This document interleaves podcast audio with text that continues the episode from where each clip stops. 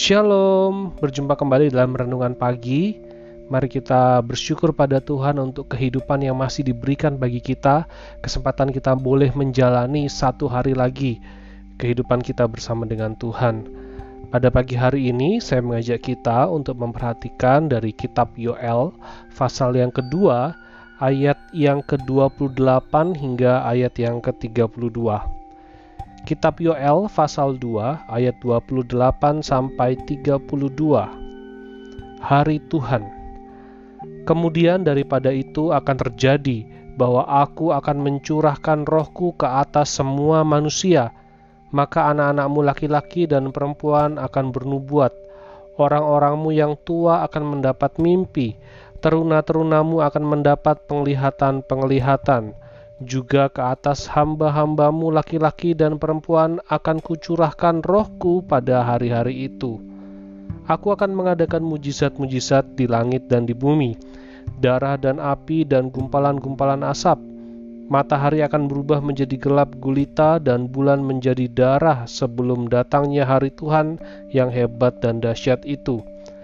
Dan barang siapa yang berseru kepada nama Tuhan akan diselamatkan sebab di Gunung Sion dan di Yerusalem akan ada keselamatan, seperti yang telah difirmankan Tuhan, dan setiap orang yang dipanggil Tuhan akan termasuk orang-orang yang terlepas. Pada bagian ini kita melihat bahwa Tuhan akan mencurahkan rohnya ke atas semua manusia. Kalau kita melihat dalam catatan perjanjian lama ada beberapa kisah mencatat bahwa orang-orang kepenuhan roh Allah atau dipenuhi roh Allah sehingga mereka dapat bernubuat, mereka dapat mengungkapkan sesuatu kepada bangsa Israel maupun kepada orang-orang penting, raja dan lain sebagainya. Tetapi kisah ini juga mengingatkan saya pada kisah pencurahan Roh Kudus kepada orang-orang percaya yang dicatat dalam kisah para rasul di mana para murid saat itu mereka berkumpul dan ada lidah-lidah api yang berterbangan dan ketika itu mereka bisa berbahasa roh dan yang terjadi adalah banyak orang yang percaya.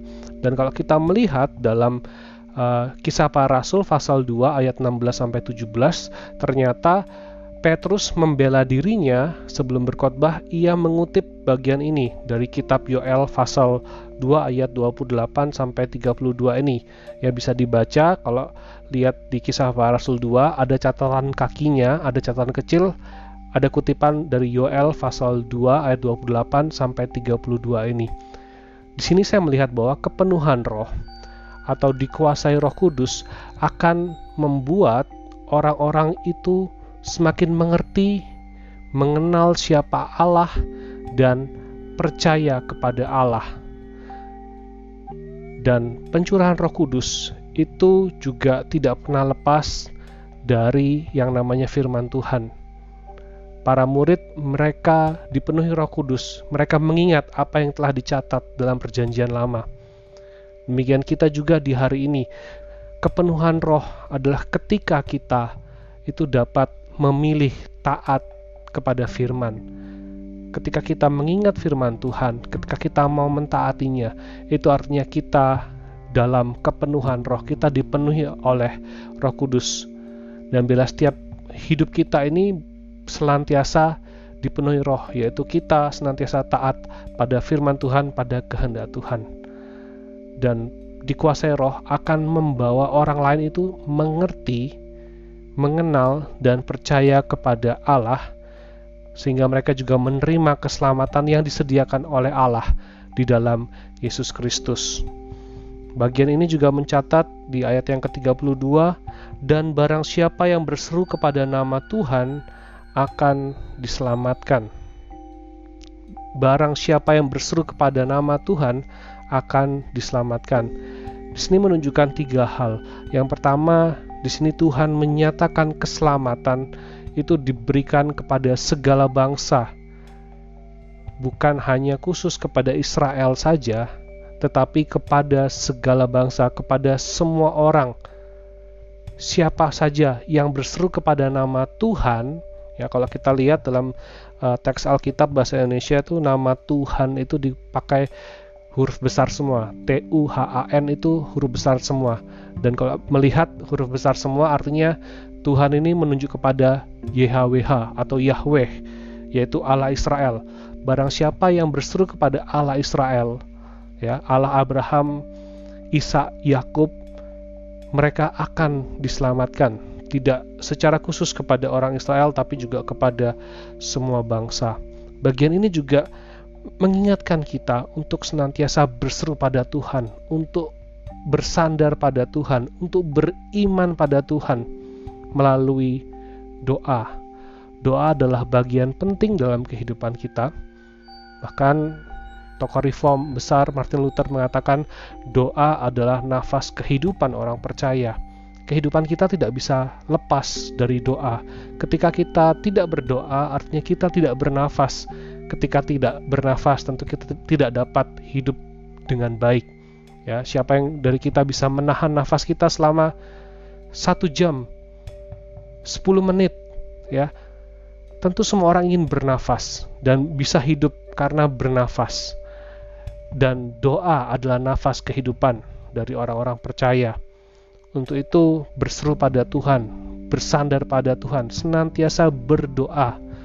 Gak harus tutup mata lipat tangan selama 24 jam, tetapi di dalam kita mengambil keputusan, di dalam kita sebelum mengucapkan sesuatu, di dalam kita melakukan keseharian kita, kehidupan kita, biarlah kita senantiasa memikirkan dan kita berdoa, apakah ini yang Tuhan inginkan agar aku lakukan? Apakah perkataan ini adalah perkataan yang dapat menjadi berkat kepada orang lain? Ya, apakah keputusanku ini adalah keputusan yang tepat yang sesuai dengan kehendak Tuhan? Biarlah kita senantiasa berdoa di sepanjang kehidupan kita. Dan ini adalah panggilan untuk datang kepada Tuhan yang benar.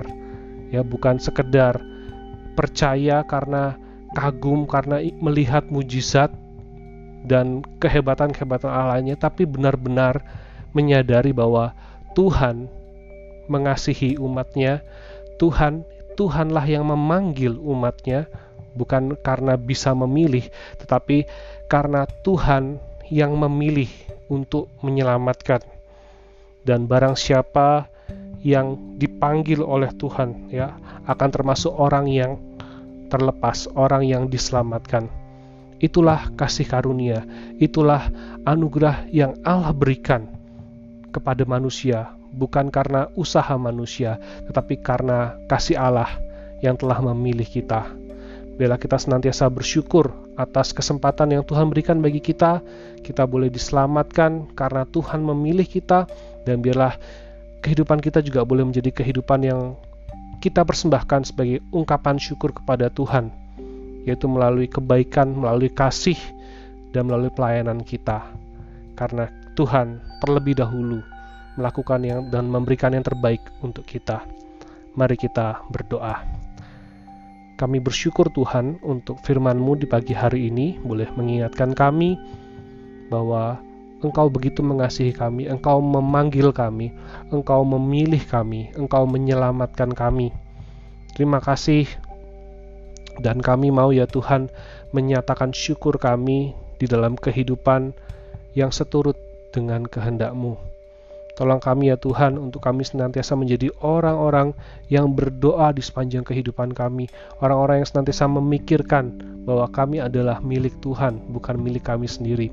Kami biarlah menjadi orang-orang yang juga mau menyatakan kasih Tuhan kepada sesama kami, sehingga semakin banyak orang yang boleh mengerti akan keselamatan dari Tuhan, mengerti dan percaya, serta boleh menjadi bagian di dalam anggota kerajaan Allah. Kami menyerahkan kehidupan kami sepanjang hari ini, biarlah melalui pekerjaan kami, melalui pelayanan kami, kami dapat menyatakan syukur kami dan bila itu juga menjadi sesuatu yang memuliakan nama Tuhan. Di dalam nama Tuhan Yesus kami berdoa. Amin. Selamat pagi, selamat beraktivitas. Tuhan Yesus memberkati.